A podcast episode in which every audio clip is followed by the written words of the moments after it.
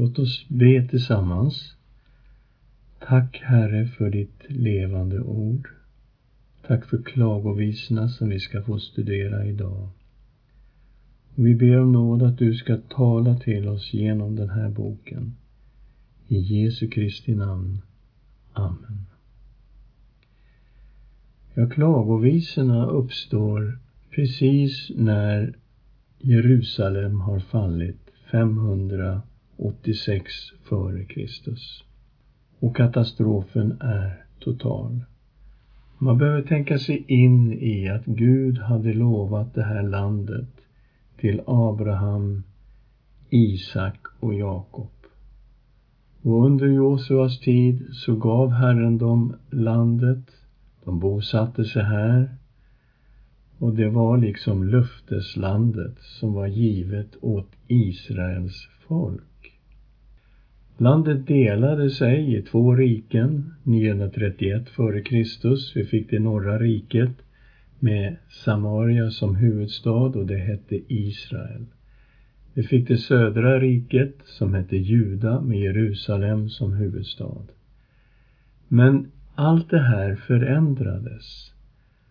722 f.Kr. så föll Samaria och Israel, det norra riket, fördes bort i fångenskap till Assyrien. Och 586, där vi nu befinner oss, följde södra riket. Och Jerusalem förstördes, templet förstördes och folket fördes bort i fångenskap till Babel. Så det här landet som Gud hade gett till Abraham, Isak och Jakob, det var nu tomt, så att säga. Det, det fanns inget rike längre som hette Israel eller Juda. Det var uppslukat av Assyrien eller av Babel och folket befann sig i fångenskap i andra länder. Så det är liksom bakgrunden till att förstå något av djupet av den totala katastrof som har inträffat. Och vi ska gå in och se lite grann bakgrunden kring det här. År 605 hade det assyriska imperiet upphört, egyptierna hade besegrats och istället var det nu Babel som styrde i regionen. De tog kontroll över Jerusalem och förde en grupp fångar till Babel redan 605 f.Kr. Och där fanns Daniel och hans vänner. Vi läser om det i Daniel 1, 3-5 och Andra Konungaboken 24 och 1. Juda blev skattepliktigt under Babel, men försökte frigöra sig. Då kom kung Nebukadnessar av Babel och belägrade Jerusalem och intog Jerusalem 597 f.Kr. Han förde Judas kung Jojakin tillsammans med 10 000 betydande personer till Babel och däribland profeten Hesekiel. Det läser vi om i Hesekiel 1 och 1 och i Andra Konungaboken 24, 1-17. Och Nebukadnessar satte in Sidkia, som var Josias son, som blev den siste kungen i Juda. Han gjorde nämligen uppror mot Babel. Och Nebukadnessar belägrade Jerusalem i tre år innan staden ödelades.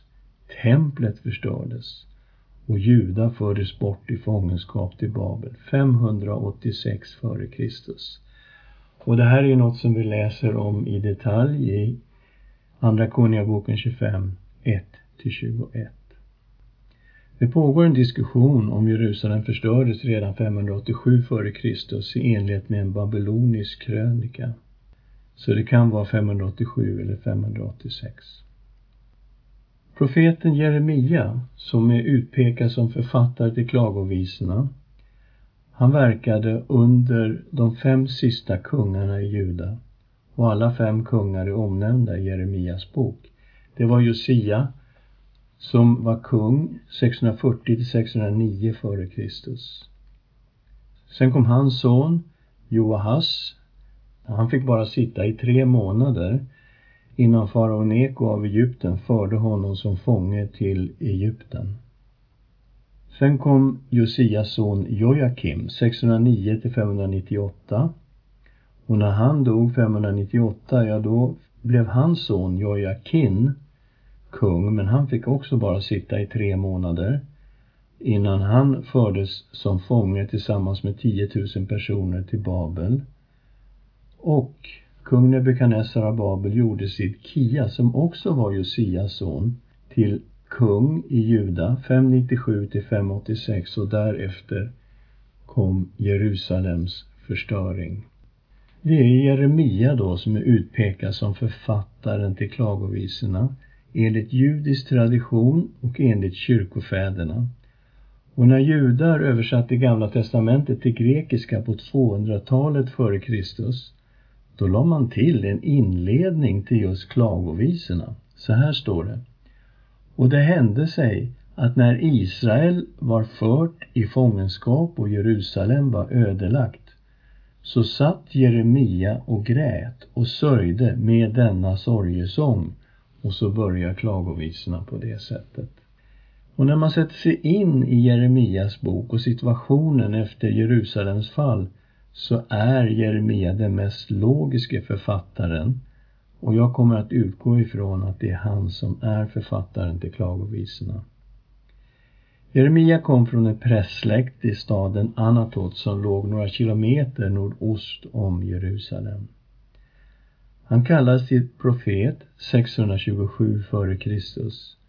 och han var verksam över och efter Jerusalems fall 586 f.Kr. Han fördes efter den här katastrofen mot sin vilja till Egypten tillsammans med sin sekreterare Baruk. Och det är troligtvis Baruk som har skrivit ner det mesta i Jeremias bok, kan man se på från flera avsnitt i Jeremias bok. Och även om Herren uttryckligen sa till Jeremia att han skulle skriva ner profetierna så använde han sig ju av skrivaren Baruk. Jeremia han fortsatte att profetera från Egypten och enligt traditionen så dog Jeremia 570 före Kristus i Egypten. Jeremia han fick bära fram ett mycket hårt budskap. Han kallade Jerusalem och Juda till omvändelse. Han sörjde djupt över den eländiga situationen i landet.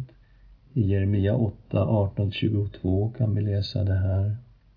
Han gick in i förbön för sitt folk. Han bekände folkets synd, kapitel 14, 19-21 i Jeremias bok.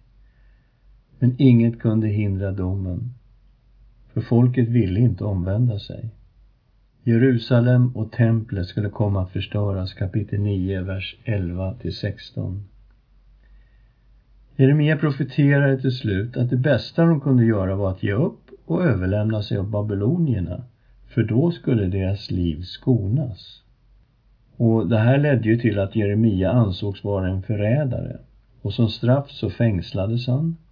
En gång kastades han ner i en brunn där han hjälplöst sjönk ner i dyn tills några till slut drog upp honom. När Jeremia blev förföljd så klagade han inför Herren. Och Herren styrkte honom precis som han lovat och det ser vi på flera ställen i Jeremias bok. När han ville ge upp, ja då gick det inte som han hade tänkt. Så här står det i Jeremia kapitel 20, vers 9. Men jag tänkte, jag vill glömma honom och inte mer tala i hans namn. Då blev det i mitt hjärta som en brinnande eld, instängd i mitt innersta. Jag ansträngde mig för att uthärda den, men kunde det inte. Så då fortsatte han att profetera. Jeremia kallas ofta för den gråtande profeten och det är det man framför allt kan se i klagovisorna. I klagovisorna sörjer han över Jerusalems förstöring och boken skrevs ju strax efter Jerusalems ödeläggelse 586 f.Kr. Vi ska se lite grann på indelningen av klagovisorna. Den består av fem poetiska klagosånger. De fyra första sångerna är alfabetiska, där varje vers börjar med en ny bokstav i det hebreiska alfabetet. Och varje klagovisa är fristående, så trots att de beskriver samma situation så bygger de inte på varandra. Så här har vi delat in det. Sång 1, Jerusalems ödeläggelse, kapitel 1, 1 till 22. Och det är 22 bokstäver i, i, i det hebreiska alfabetet. Katastrofen beskrevs 1, 1 till 11. Jerusalem berättade att Herren straffat henne 1, 12 till 19. Jerusalem bad till Herren 1, 20 till 22. Sång 2 Herren straffade sitt folk 2.1-22 Herren straffade hela Israel 2.1-5. Herren straffade Jerusalem 2.6-8. Resultatet av Herrens straff 2.9-17. Jerusalems ruiner bad till Herren 2.18-22. Och sång 3, där har vi att Jeremia kommer till tals mer personligt. Vi har kallat den för lidande och hopp, 3.1 till 66. Och att det är 66, det är verser i den, det har att göra med att det är visserligen en alfabetisk psalm, men varje vers är lite längre i den här alfabetiska salmen. Så att det är ändå en alfabetisk psalm uppbyggd på de 22 bokstäverna. Jeremias sorg och förtvivlan 3.1 till 18. Jeremias tro på Herren 3.19 till 42. Jeremias bönekamp 3.43 till 66. Och sång 4 Jerusalems elände och vanära 4.1 till 22 och sång 5 Folkets bön genom Jeremia 5.1-22. Vi ska försöka med lite sammanfattande tankar kring den här boken. Vi ska titta på poetiska grepp. Så fyra av de fem sångerna är som sagt alfabetiska och man vet faktiskt inte varför. Men några kommentatorer har föreslagit att genom att börja en vers med hela alfabetet så har man velat säga att orden inte räcker till för att beskriva djupet i katastrofen och sorgen. I de här sorgesångerna så personifieras Jerusalem på ett sådant sätt att staden beskrev sin egen vånda och sorg. 1, 12 till 19 och vi ska läsa kapitel 1, vers 12 och se hur det här ser ut. Betyder det inget för alla er som går vägen förbi? Se efter och se, finns det någon smärta lik smärtan som drabbat mig, som Herren har plågat mig med på sin brinnande vredes dag? Och så fortsätter det genom kapitel 1 med att Jerusalem talar i jag-form. Vi möter till och med Jerusalems ruiner som gråter och utgjuter sitt hjärta inför Herren. Kapitel 2, vers 18 till 22. Deras hjärtan ropar till Herren. Du dotter Sions mur, låt tårarna rinna som en bäck både dag och natt. Ge dig ingen ro, unna inte ditt öga någon vila. Så det här är alltså Jerusalems murar som är nerrivna. Det är ruinerna som ropar. Stig upp, ropa högt i natten när nattväkterna börjar. Utgjut ditt hjärta som vatten inför Herrens ansikte. Lyft dina händer till honom för dina barns liv som tynar bort av hunger i alla gathörn. Se, Herre, och tänk på vem du har gjort så emot.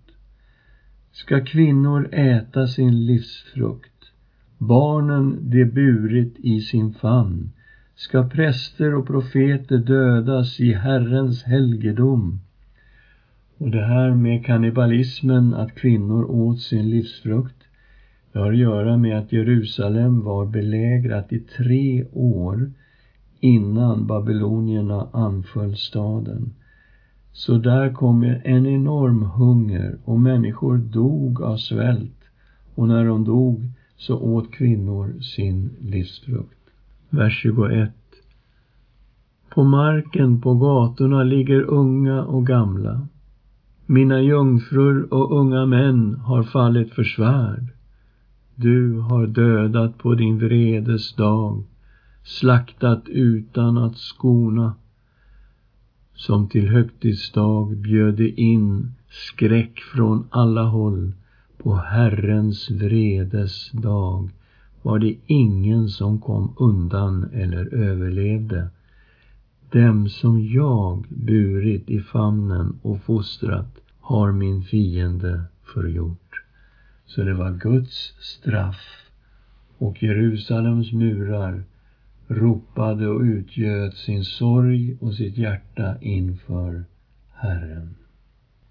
Jeremia beskrev sin egen sorg och smärta. Och man anar att han gjorde sig till språkrör för många personers förtvivlan. Vi ska läsa kapitel 3, vers 1-6. Jag är mannen som fått se lidande under hans vredes ris. Han har lett mig och fört mig i mörker och inte i ljus. Ja, han vände sin hand mot mig gång på gång dagen lång. Han nötte ut mitt kött och min hud. Han krossade mina ben. Han byggde en mur mot mig och omringade mig med bitterhet och möda. På mörka platser leta mig bo, likt dem som länge varit döda. Och man förstår att det inte bara rör Jeremias liv, utan det här rör ju Jerusalem och det lidande som folket gick igenom. Men man kan se att det också riktar sig ganska personligt mot Jeremia, kapitel 3, vers 13 till 15. Pilar från hans kåger har han satt i mina njurar. Jag har blivit till åtlöje för hela mitt folk, deras nidvisa hela dagen lång. Han har mättat mig med bitterhet, gett mig malört att dricka. Och det här är ju tankar som vi möter i Jeremias bok också, till exempel i Jeremia 8, 18 till 9 och 2. Var ska jag få lindring i min sorg? Mitt hjärta är sjukt i mig. Hör dotter, mitt folk ropar fjärran ifrån. Finns inte Herren mer i Sion? Är hennes kung inte längre där? Varför har de retat mig till vrede med sina bilder, med sina främmande avgudar? Skördetiden är förbi. Sommaren är över. Men vi har inte blivit räddade. Jag är förkrossad, för dottern mitt folk har krossats. Jag sörjer, förfäran har gripit mig. Finns det ingen balsam i Gilead? Finns där ingen läkare? Varför blir dottern mitt folk inte botad? O, att mitt huvud vore en vattenbrunn och mina ögon en källa av tårar. Då skulle jag gråta dag och natt över de slagna hos dottern mitt folk. O, att jag hade en viloplats i öknen så att jag kunde lämna mitt folk och gå bort ifrån dem, för de är alla äktenskapsbrytare, en samling trolösa. Så vi möter sådana här tankar också i Jeremias bok. När folket bad, bekände sin synd och hoppades att en dag få återvända, ja, då förstår man att folket bad genom sin profet Jeremia. Och det ser vi i kapitel 5, 1-22. Och vi möter här orsaken till ödeläggelsen och fångenskapet. Vi möter orsaken till varför Herren hade straffat folket på det här sättet. I alla fem sångerna ser man exempel på att folkets synd var orsaken till Jerusalems fall och folkets fångenskap. Men mitt i den här katastrofen möter man ändå hopp.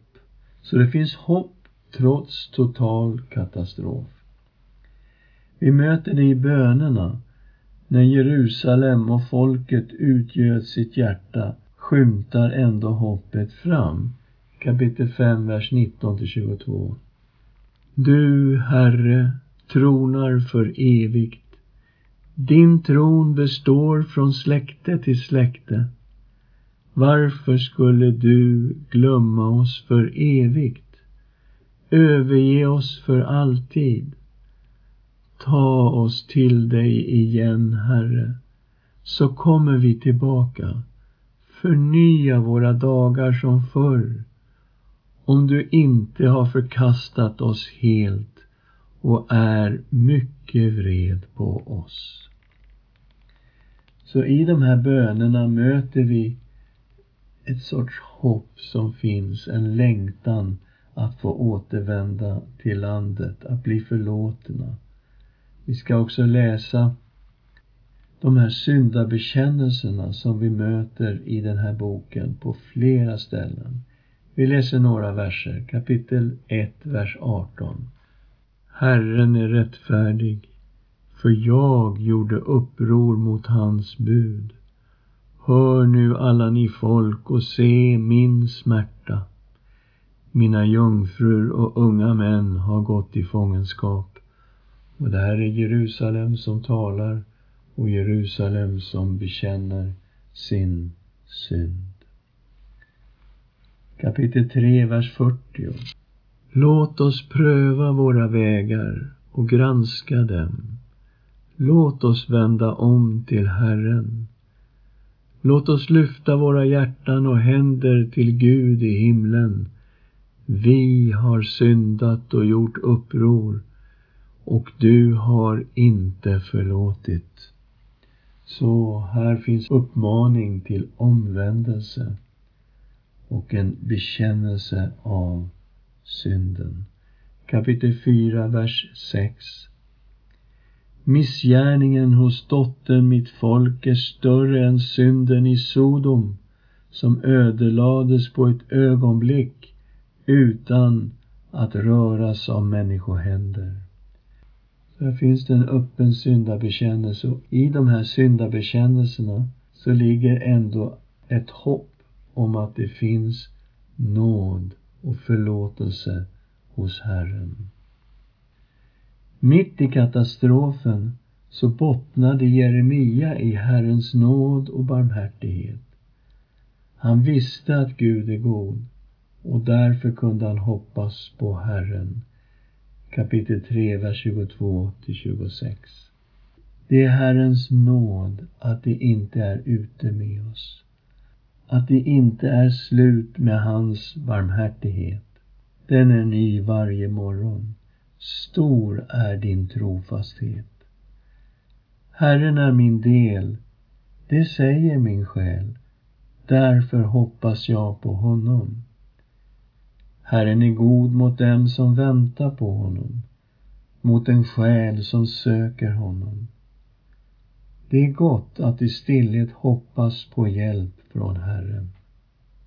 Och här möter vi Jeremia som mitt i en förtvivlad sorg ändå håller fast vid Herren och han vet att Herren är god och han vet att Herrens nåd och barmhärtighet är ny varje morgon. Ska vi be tillsammans. Tack Herre för klagovisorna och vi ser att ditt ord inte på något sätt väjer undan för den totala sorgen, den totala förtvivlan som hade drabbat hela ditt folk. I det här fallet Juda och Jerusalem, men vi vet också tidigare Israel, det norra riket. Och vi ser nu ett land som är slaget helt i spillror och ditt folk som finns i fångenskap i andra länder. Och i detta finns det nåd. Det finns möjlighet till förlåtelse och det finns möjlighet till upprättelse. För vi vet ju om de profetiska löftena som du talade till det här folket. att de skulle få återvända till landet och du skulle återupprätta din relation med det här folket. Tack Herre Jesus Kristus för alla dessa profetior som har gått i uppfyllelse i dig, att de har alla fått sitt ja och sitt amen i dig. I Jesu Kristi namn. Amen.